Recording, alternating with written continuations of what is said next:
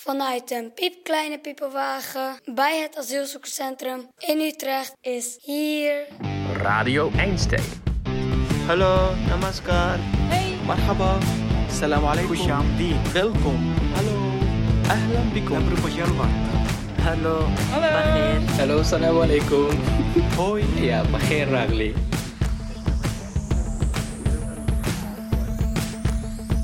Met vandaag de aflevering Buurtbewoners. Welkom bij Radio Einstein, een podcast over de bewoners van het Utrechtse asielzoekerscentrum. Dit is aflevering 3 van seizoen 2. Volgende. Weet je die? Nee joh. Deegroller. Dus deeg Ja. is eh Roller. beslag, zeg maar, wat je maakt. Ja. En roller is rollen. Van de is het rollen. rol- Ja, deegroller. Roller. Ja. Nee.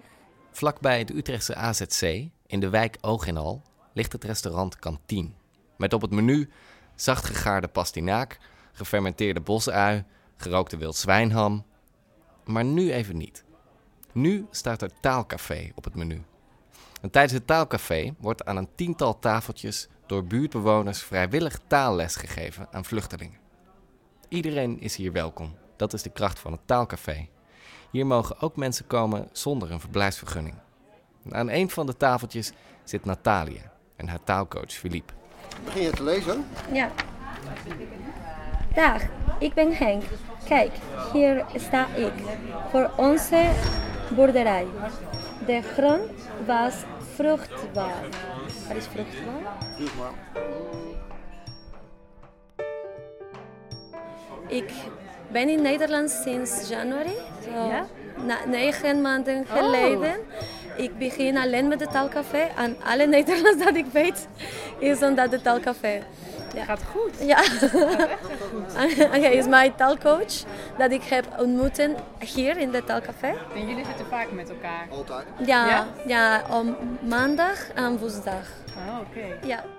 Sommige duo's kennen elkaar al lang, andere ontmoeten elkaar vandaag voor het eerst. Vandaar dat het er soms een beetje ongemakkelijk aan toe gaat.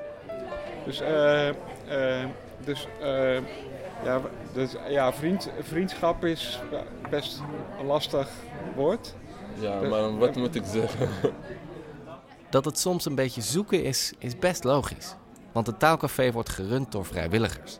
Aan het begin van elk taalcafé krijgen de nieuwe vrijwilligers wat basisinstructies en een allegaartje van schriftjes, multomappen en taalboeken.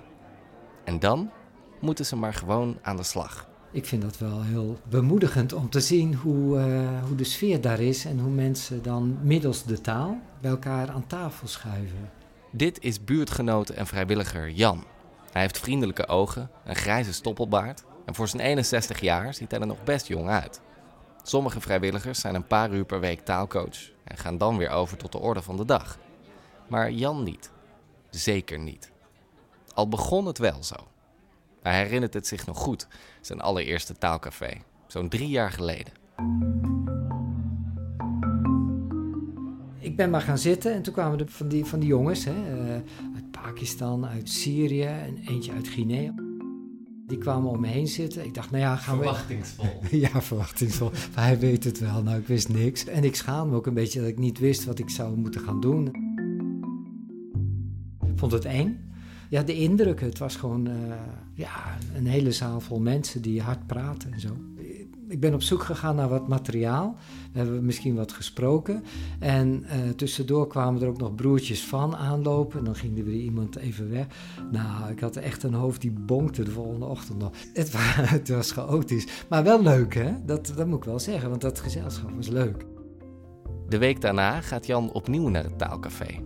Maar dit keer heeft hij een plan. En toen heb ik gezegd van, goh, ja, het lijkt me ook wel leuk, want ik spreek wat Frans. Om bijvoorbeeld les te geven aan mensen die Frans spreken.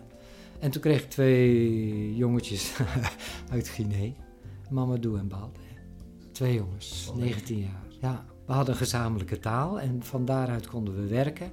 En het klikte. Aanvankelijk houden ze het bij één taalcafé in de week. Maar Jan wil meer. Ik dacht, ja, wat kun je nou in één dag in de week kun je dan doen? Ik kan voorstellen om elkaar in de bibliotheek tegen te komen en dat we daar gaan zitten. Dan gaan we proberen Turbo Nederlands te doen. De jongens gaan gretig op zijn aanbod in. En dan is Jan geen ervaren taaldocent, hij leert langzaam maar zeker de finesses van het lesgeven. Zo ontdekt hij het nut van voorlezen. En wat boeken betreft, hebben ze zo hun voorkeuren. Het eerste wat ik hoor als we naar de bibliotheek gaan en, en ik zeg van nou, je kunt hier kinderboeken lenen. Oh, dan zoeken ze sprookjesboeken. En dat vind ik heel veelzeggend. Maakt niet uit wat voor sprookjes het zijn, maar als ze maar, ik weet niet, misschien is het om, uh, om nog even kind te kunnen zijn, hè? want dat kunnen ze al heel lang niet.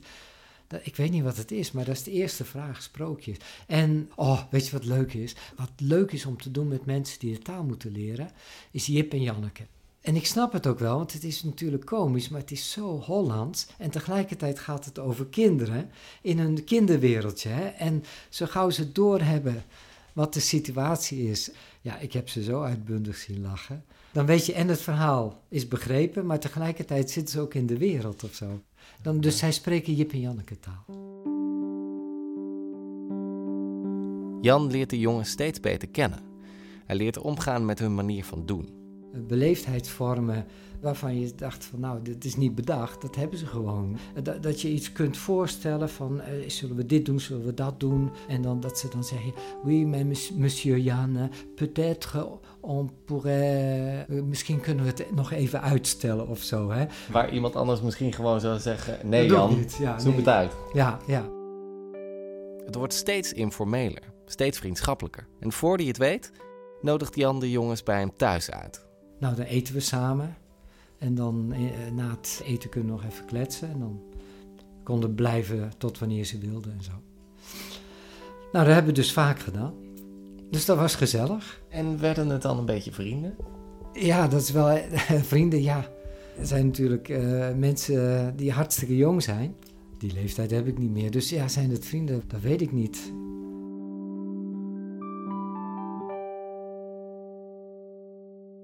Dan krijgen de jongens een bericht van de IND. Hun asielaanvraag in Nederland is geweigerd. Daarom worden ze volgens de zogenaamde Dublin-verordening teruggestuurd naar het land waar ze hun eerste asielaanvraag deden. In hun geval is dat Italië. Het nieuws zet de levens van de jongens op zijn kop. En ook dat van Jan. Hoe moet je daar nou mee uh, dealen of zo? Want ja, het is hun lot, maar ik hou wel van ze. Dus hoe moet je dan. Uh bedenken wat er uh, van ze moet worden. Ja, dat is niet, mak ja, niet makkelijk, ja. Jan vraagt zich af of de taallessen nog wel zin hebben. Maar laten we maar doorgaan, want in ieder geval is er een focus en is er een doel. Ze zijn wel weggegaan met de zin, en dat zeggen ze nog steeds, we komen terug. Hè? ja, ze hebben het hier leuk gehad en ze hebben het hier goed gehad. En ik denk dat voor veel mensen Utrecht wel een goede plek is. Als de jongens eenmaal vertrokken zijn naar Italië, twijfelt Jan of hij überhaupt nog wel door moet gaan als taalcoach. Ik miste zelfs de pest en ik denk, ja, ik ga toch weer taalles geven. En toen kwam ik een jongen tegen die uh, hun kamergenoot was. Ook uit Guinea? Uh, nee, uit een ander land, uit okay. Eritrea. En toen dacht ik van, nou, we hebben toch samen de herinnering aan hun en dan gaan wij verder.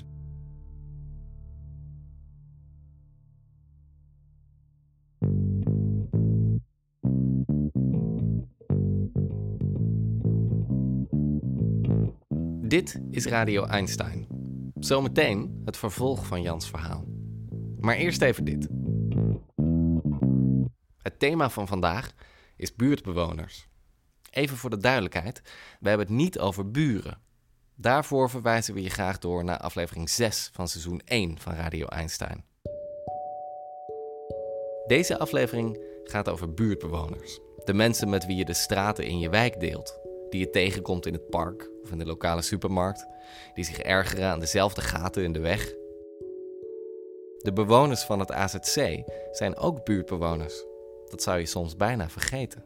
In deze aflevering spreken we een aantal mensen die zich daar wel bewust van zijn. Die iets doen met of voor de bewoners van het AZC. Maar vergis je niet, de meeste buurtbewoners hebben nog nooit een stap in een AZC gezet omdat ze daar de kans nog niet toe hebben gehad. Of omdat ze daar bewust voor kiezen. Omdat ze misschien wel helemaal niet zitten te wachten op een AZC in hun wijk. In Woerden is gisteravond laat een noodopvang voor vluchtelingen bestormd.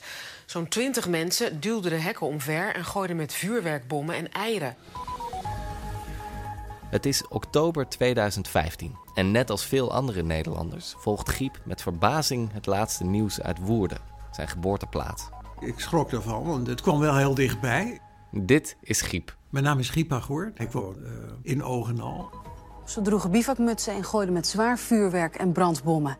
Gisteren nog riep premier Rutte op om de rust te bewaren in de discussie rond vluchtelingen. En dat is niet niks. Hè? Je kan met een spandoek, je kan roepen, je kan schreeuwen, maar dit was echt gewelddadig. Hè? Dan bel je gelijk je familie op die ook in woede. Van, joh, wat hoor ik nou, wat lees ik nu? En zo. Het was misschien... Nou, die schrokken enorm dat dat kon plaatsvinden in Woerden. Een nogal christelijke gemeenschap. En dan dit. Het was voor mij een punt wel van, hey, dit speelt in de samenleving, nu moet je wel, uh, hè, nu moeten we met elkaar proberen in oog en al, in je eigen wijk, een andere sfeer te creëren. Toen Giep 20 jaar geleden in Oog en Al kwam wonen, was het asielzoekerscentrum er al. Het zorgde eigenlijk nauwelijks voor spanning in de wijk. Maar in 2015 staat er een flinke uitbreiding van het AZC op de agenda. Onder meer door de komst van een groep Syrische vluchtelingen. En dat zorgt toch wel voor de nodige bezorgdheid hier en daar. Om die bezorgdheid te verminderen, richten een aantal wijkgenoten een stichting op, waar Giep ook deel van uitmaakt. Mijn wijk, jouw wijk. Dat is een speciale stichting die opgericht is om contacten tussen asielzoekers en onze wijkbewoners in Ogenal te verstevigen. Ik was belast met informatievoorziening, dus ik creëerde een kraampje tegenover Albert Heijn.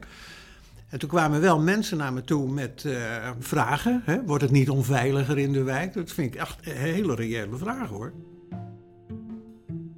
Iemand zei, had ik dit geweten, een wat oudere man, had ik dit geweten dat de AZC zo uitgebreid zou worden, dan had ik nooit hier een appartement gekocht. Ja, ook dat kon gezegd worden of zo. Hij kreeg toen wel weer woord weer van de eigen wijkbewoners. Wat zeiden die? Nou, dat het toch een fantastische wijk is. Kom op, dat kunnen we hebben.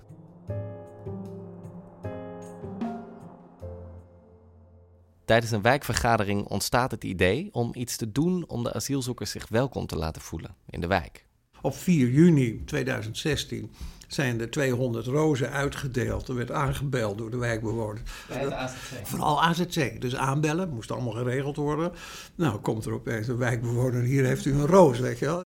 Dat zorgt er niet alleen voor dat de asielzoekers zich welkom voelen.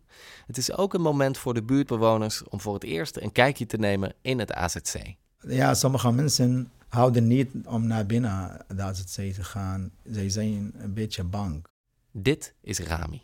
Ja, mijn naam is Rami Ramou en ik kom uit Syrië. Rami is een voormalig bewoner van het AZC. Hij was als vrijwilliger betrokken bij de Rozenactie. En in dit moment waren heel mensen binnen gegaan. En zij keken wat, wat is binnen. Dit is gewoon mensen leven met hun kinderen. Hebben een tafel, hebben een, hebben een bed, uh, eten in de kleine koelkast. Het is gewoon uh, leven binnen. Nederlandse mensen hebben een goede gevoel om binnen te zien.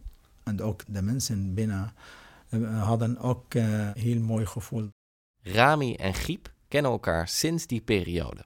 We kennen elkaar nu drie jaar. De twee gezinnen, ons gezin en het gezin van Rami, komen nu één keer in de twee maanden bij elkaar. Dan eten we wat en dan doen we samen spelletjes of uh, zingen wat. Ja. Dat klinkt wel als iets wat vrienden doen. Ja hoor, ja. Dat gevoel is trouwens wederzijds. Hij is heel aardig man, een beetje grappig, maakt grapjes altijd en heel lief. De Rozenactie is nog maar het begin. Een paar maanden later volgt een feest. Een groot feest. Waar was het feest? In het Park Ogenal. Ja, twee grote tenten. Grote tent. Uh, het kost veel uh, moeite om te opbouwen. S ochtends. Met regen, met koud. Morgens regende. Dan dacht ik, nou, dat is een teken dat het in het water valt. Maar toen brak de zon door. Dan dacht ik, ja, dit Wanneer brak de zon door? 12 uur. Ja, ik weet het allemaal precies, 12 uur. Het park in Ogenal was bijna vol. We hadden als doelstelling gezegd 100 uh, asielzoekers en 200 wijkbewoners. Dat zijn er 400 geworden. Het feest is meer dan een gezellige dag. Er zijn ook relaties uit voortgekomen. Er zijn kookgroepjes uh, doorgegaan. Uh, taallessen zijn er uh, gehouden. Lief, liefdesrelaties ook? ja. ook Giep leert allerlei nieuwe mensen kennen. De Afrika, Eritrea, Afghanistan, Pakistan. De meeste contacten zijn inmiddels verwaterd. Want een AZC is een tijdelijke woonplek. Mensen komen en mensen gaan. En daarmee zijn de bewoners van het AZC vaak maar tijdelijke buurtbewoners. En dan is het heel erg jammer dat een gezin moet vertrekken, maar je moet ook naar het belang van het gezin kijken. Als die een huis krijgen en, een goede uitgangssituatie, is dat belangrijker dan de contacten hier. Eh, zo, ja, dat, dat moet je leren inzien. Maar hoe zinvol is het wijkfeest dan eigenlijk geweest? Is zo'n feest dan wel nodig? Altijd nodig. Volgens Rami is een feest altijd nodig. Voor alles nodig, in alle wijken. Niet eh, alleen uh, tussen uh, AZC en de bewoners. Rami woont inmiddels in Overvecht, in een flatgebouw van 10 verdiepingen. En ook daar kunnen ze wel een feest gebruiken. Want ik kan niemand van deze gebouw. Ik kan niemand van deze gebouw. Zo, waarom? Wij wonen in, in dezelfde wijk. De mens is er niet naar ontworpen om alleen te leven. Wij zijn sociale dieren. Dat geldt voor mij, voor jou en zeker voor de bewoners van het AZC, voor wie het contact met de buurtbewoners heel waardevol kan zijn. Een beetje cultuur wisselen. De mensen in de AZC kijken en weten hoe kan ik met eh, de Nederlandse mensen in contact maken. Die uitwisseling van culturen kan voor iedereen tot nieuwe inzichten leiden. Ook voor Giep, die onlangs een gesprek had met Rami over politiek. Over de inval van Turkije in Syrië. Je bent geneigd heel erg naar het westelijke westenperspectief te kijken van Trump. Hè? Rami zei iets verrassends over de Turkse president Erdogan. Als hij Assad tegen kan houden, dan is dat niet slecht. Ik herinner me wel goed dat ik hem aankijk van wat zeg je nou? Ja, je kent nu opeens een ander perspectief. Ja. En nu lees ik de krant ook een beetje anders dan, uh, dan ik zelf deed.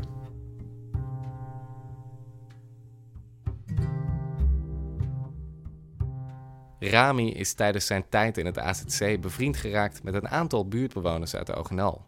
Het zijn waardevolle vriendschappen voor hem. Ze waren er toen hij ze nodig had. Echt nodig.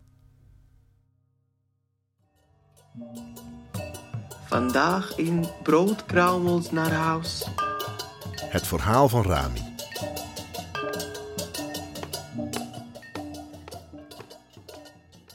Rami is samen met zijn vijfjarig dochtertje naar Nederland gevlucht.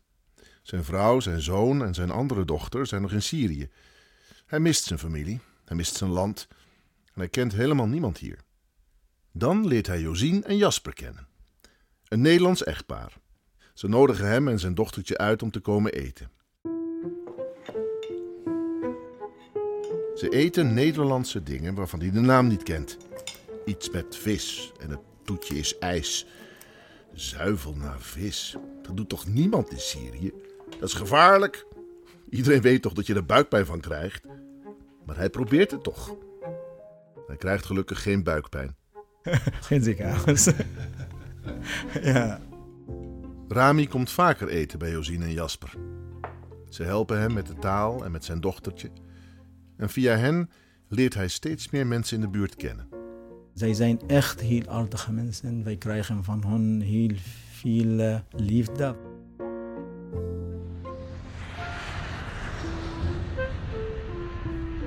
Het duurt 15 lange maanden voor hij de rest van zijn gezin eindelijk op kan halen op het vliegveld. Het is een dag die hij niet snel zal vergeten. Twee vriendinnen, Bianca en Helen, die gaan met hem mee. Ze rijden met twee auto's naar Schiphol.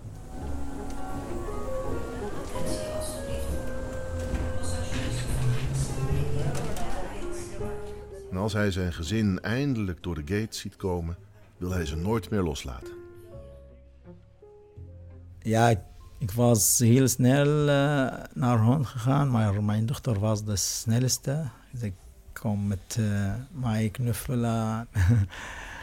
ja, de hele tijd uh, mij knuffelen. En daarna, mijn zoon uh, was echt moeilijk om hem nog een keer te knuffelen. Want hij was erg ziek daar ook. En ik dacht misschien hij gaat uh, daar overleden of iets.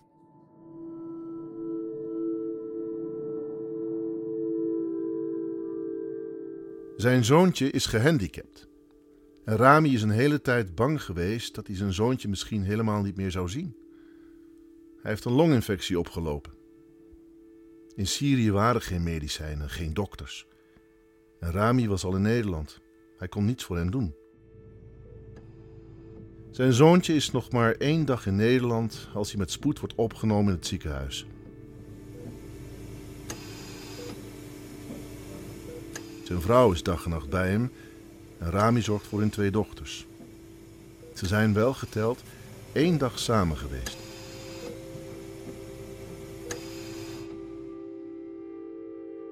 Dit was de moeilijkste tijd voor ons. Ja, de, de familie nog steeds uh, niet samen.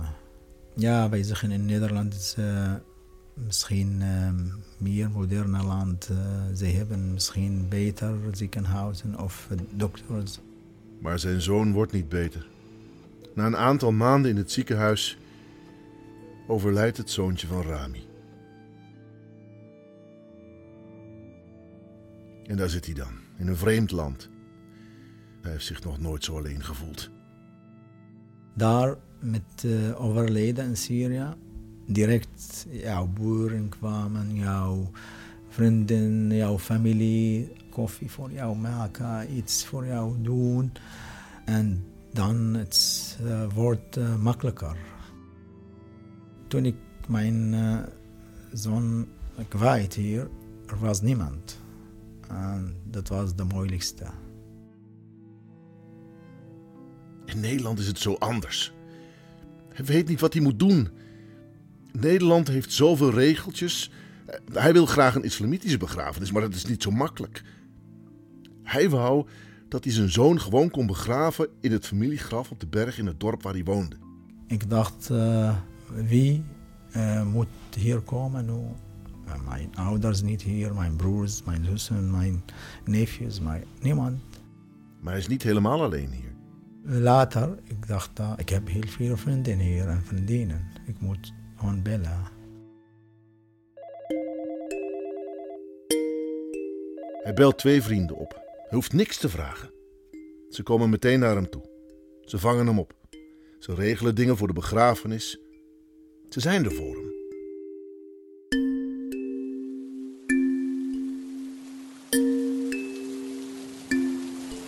De dag van de begrafenis is het typisch Nederlands weer. De regen komt met bakken uit de lucht. De mensen moeten met hun uh, paraplu komen, ook met de regenjas. Uh, sommige mensen kwamen met de fiets, heel nat geworden, echt. Ondanks de regen komen er heel veel mensen. Ook vrienden aan wie hij helemaal niet heeft verteld dat zijn zoon is overleden. Zijn vrienden hebben het nieuws verspreid. Hem dat er zoveel Nederlandse vrienden zijn gekomen. We moeten eerst uh, mijn zoon naar de moskee brengen en uh, bieden. En zij gewoon kwamen naar binnen de moskee en boven in de zolder zitten. En daar zitten ze, samen in de moskee. Heel even voelt het net als in Syrië.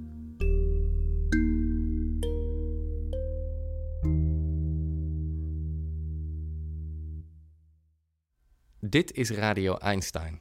Het thema van deze aflevering is buurtbewoners.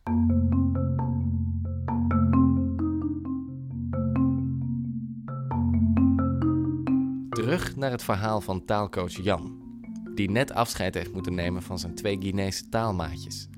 En hij is vol goede moed begonnen aan een nieuw taalcafé-traject met de Eritrese huisgenoot van de Guinese jongens. En die jongen had ook Dublin. En uh, het was altijd spannend voor hem. En die stond eigenlijk aan het begin van het van Nederlands leren. En tegelijkertijd zag hij in het AZC mensen binnenkomen die waren op, uit zijn land. En die kregen ja, ook wel best snel een, uh, een woning en zo. Hè. En hij kreeg steeds nul op request. Nou, hij is heel geduldig geweest. En intussen is hij heel ij- ijverig geweest in het leren van Nederlands. En voor mij werd het een beetje een soort van uitdaging van... Goh, hoe zou het zijn als je een jaar lang intensief probeert het eh, Nederlandse taal te doen, hè? En dus hij kwam vaak. En uiteindelijk kreeg hij een eh, positieve beslissing. Hij kon blijven. En lekker peu. Hij sprak best wel goed Nederlands. En hij wilde automonteur worden. Toen heeft hij zich ingeschreven op de ROC. Hij kon komen praten. En zijn Nederlands was eh, goed genoeg om de entreeopleiding te gaan doen. En eh, daar zit hij nu. Wat goed. Ja, heel goed. Ja, Mede dankzij eh, ook jouw inspanningen. ja. nou, samen gedaan. Ja. Ja, ik ben ook wel trots daarop. Omdat, ja, dat maakt wel een eh, verschil in een, in een mensenleven. Ja, ik kan wel stellen van, eh, goh, ik heb eh, cadeautjes gehad. ja, door, het, eh, door, het, door die mensen te kennen, ja. Zo zinvol als zijn inspanningen soms kunnen voelen, zo zinloos voelen ze op andere momenten. De laatste tijd overheerst vooral dat laatste gevoel. Ik heb twee leerlingen, Hoe, hoe lang heb je ze? ja, sinds eh, augustus denk ik. Nog niet zo lang. Het zijn twee jongens van 19 jaar. En sinds kort is de focus verplaatst van Nederlands leren naar hele andere dingen. Het is allemaal heel intensief ge- geworden toen bekend werd dat ze niet mochten blijven. En dan ga je meedenken, zoeken naar oplossingen, bij elkaar komen. Je gaat je inlezen in eh, hoe, ver, ze- hoe, ze- hoe zijn ze juridisch op het ogenblik. Dus je duikt erin en je duikt eigenlijk in elkaars lot. Kun je iets zeggen over waar ze vandaan komen? Ik kom ook uit Guinea. ja, net zoals de eerste twee. Dan kun je ze een beetje beschrijven. Eh, vriendelijke gezichten, open gezichten, open, open blikken. Ja, redelijk sportief om te zien. Eigenlijk, ja, kinderen. Ze zijn wel, weliswaar 19, maar hartstikke jong. Ja. En tegelijkertijd zijn ze ook overgeleverd aan beslissingen die keihard zijn door wetten die keihard zijn dichtgemetseld. Aan de ene kant weten ze, we hebben geen kans om hier te blijven. Ze willen niet anders dan hier blijven. Maar het is ook zo, als ze terug moeten, dan wacht hun rechteloosheid. Ze gaan terug naar helemaal niets.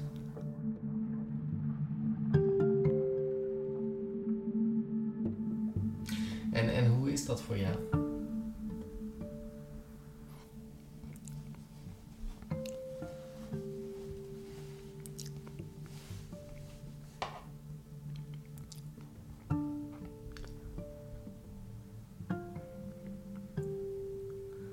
Dat doet mij pijn. Mm. Ah, dat kan ik niet verkroppen. Dat dat zo moet zijn.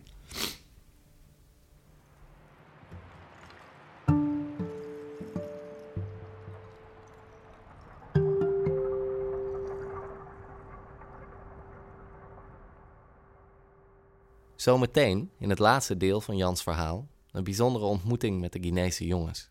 Op de valreep, voordat ze Nederland moeten verlaten.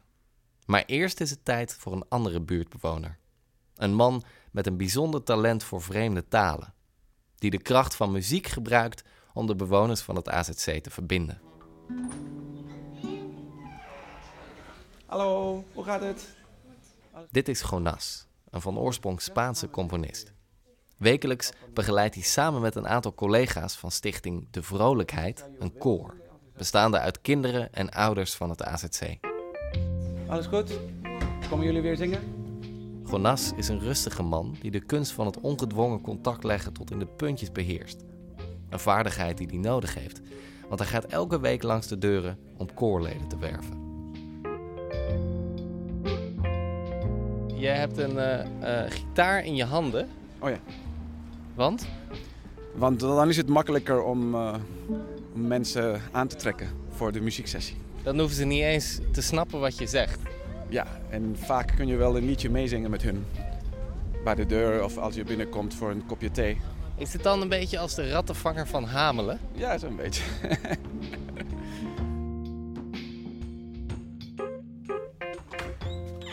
Hallo, hoe gaat het? Is papa of mama thuis? De nannies. Nederlands, Engels. Divina. Zaad gaan sterk. Jonas lijkt in elke taal wel een liedje te kennen.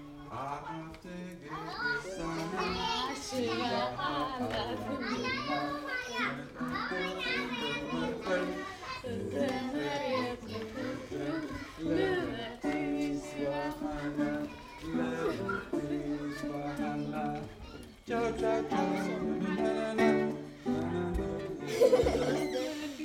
gaan alle. Oké. Ciao, ciao. Eenmaal buiten laat Jonas geen kans onbenut om mensen te overtuigen. Over 10 minuten gaan we zingen. Kom zingen. We're going to sing together. Salam, kifak. Hij komt al acht jaar in dit AZC en hij schakelt moeiteloos over van Nederlands naar Farsi, naar Arabisch. Atfal, met om, met ob. Kulnas. Alhamdulillah sahlan. Huna. Taharafat. Bijanib VWN.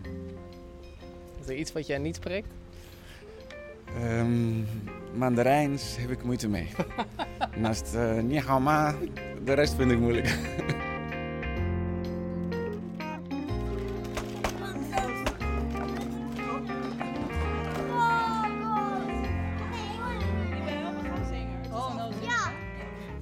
Stichting De Vrolijkheid zit in de kelder van het AZC. Het is een ruimte zonder ramen. Maar ze hebben hun best gedaan om er wat gezelligs van te maken. Er staan kasten vol met speelgoed. Er hangen tekeningen en lichtjes aan de muur. En helemaal achteraan staat een piano. Met daaromheen wat banken en een paar rijen stoelen. Al gauw zit het vol met kinderen van allerlei leeftijden en afkomsten.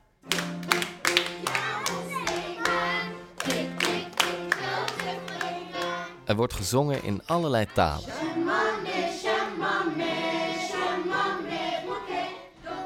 En niet alle talen zijn even makkelijk na te zingen. Nog een keer alqal. Nog een keer, nog een keer. Nog een keer, nog een keer. Mer- Merqal, merk, merk, merk. One, two, three.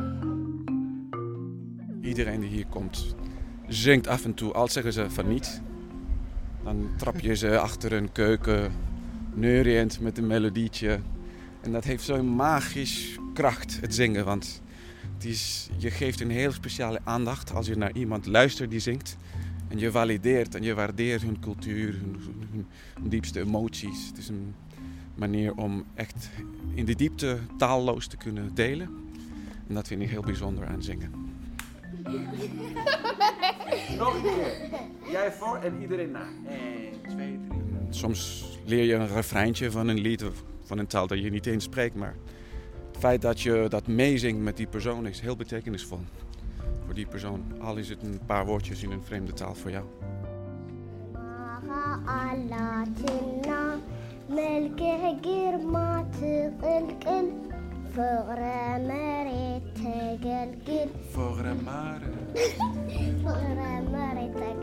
Oh, beautiful. Nog een keer het hele lied. Eh, van de A af D. Two, three.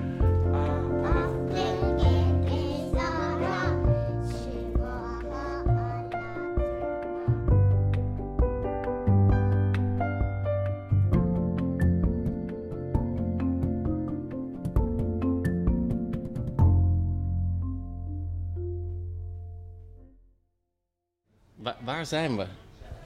Waar? Wij zijn in kantine. En, en waarom zijn we in kantine? Wij zijn hier voor Nederlands les. We zijn weer terug bij taalcoach Jan. Ja. Het taalcafé is net afgelopen en ik zit samen met Jan en zijn twee Guinese taalmaatjes op een bank in een hoekje van de zaal. Het is hun laatste taalcafé. En kun jij even voorstellen? Ja, ik, eh, ik heet Moussa en ik kom uit Guinea en ik ben 19 jaar. Ik woon in eh, Utrecht en uh, het AZC. En maar bijna terug naar Italië. ik ben in eh, Dublin. Moussa spreekt heel aardig Nederlands. En Condé, Ah, me chamo Conde. iets minder. Hij spreekt liever Italiaans. Vengo dalla Guinea, ho adesso 20 anni, no?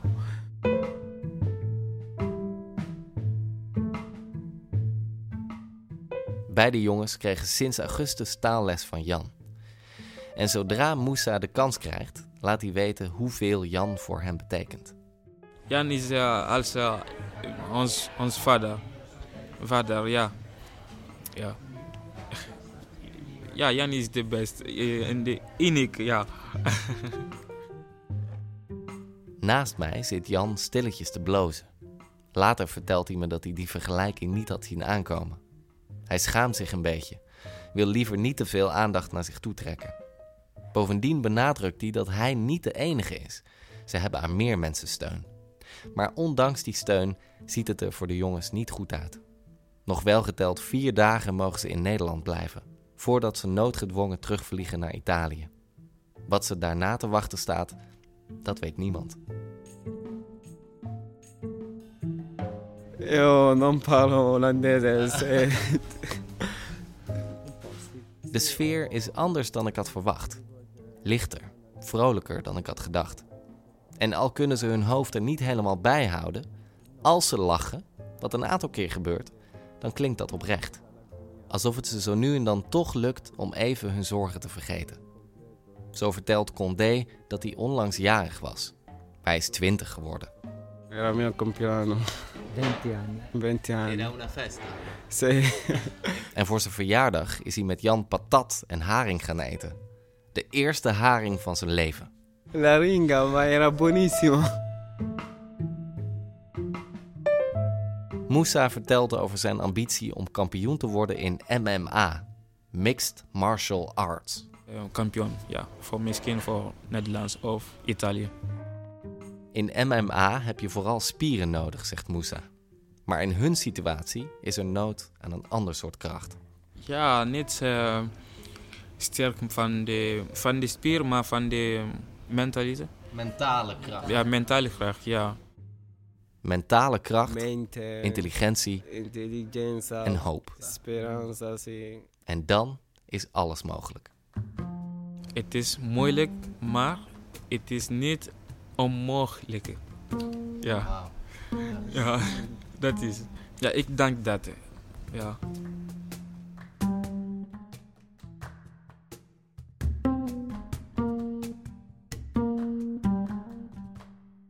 Tot slot vraag ik ze naar hun favoriete Jip en Janneke verhaal. Ah, clip, eh, knip en knap. Condé ligt in een deuk als hij vertelt over Jip die naar de kapper gaat. Is escapado via. Ah, wat? Jip wil niet en hij ontsnapt. Ja, hij gaat weg, maar zijn haar is, hij is nog niet klaar met knippen, dus hij loopt een beetje verschut. Dus hij heeft een half kapsel. Ja.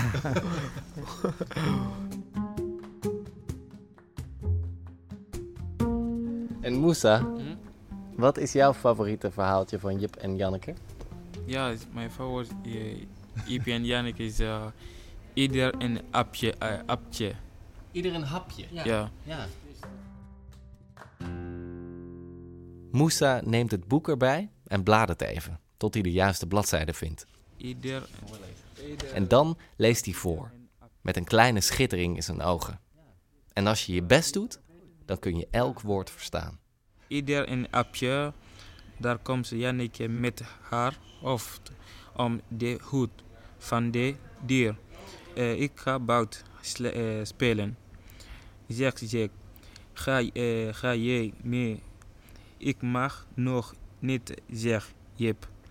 Terug, ik moet nog ze- zes stukjes boterham op, opeten. Wat zit erop? Vraagt Janneke. Meisjes, zegt Jip, chocolade, meisjes. Ik zal er twee opeten, zegt Janneke. En jij, jij ook twee, dan is het niet eh, het op. Allebei eten ze, twee eh, stukjes en kijken, dan zijn er nog twee over. Ieder een appje, zegt Janneke, en haalt ze, ze ieder een hapje op, eh, op hebben, dan is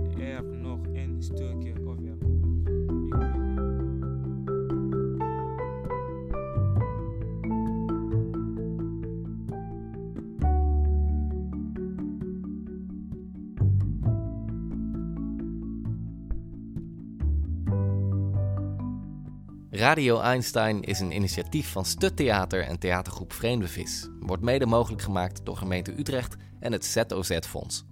Volg ons op Facebook, Instagram of op radioeinstein.nl en abonneer je zodat je meteen op de hoogte bent als er een nieuwe aflevering online staat.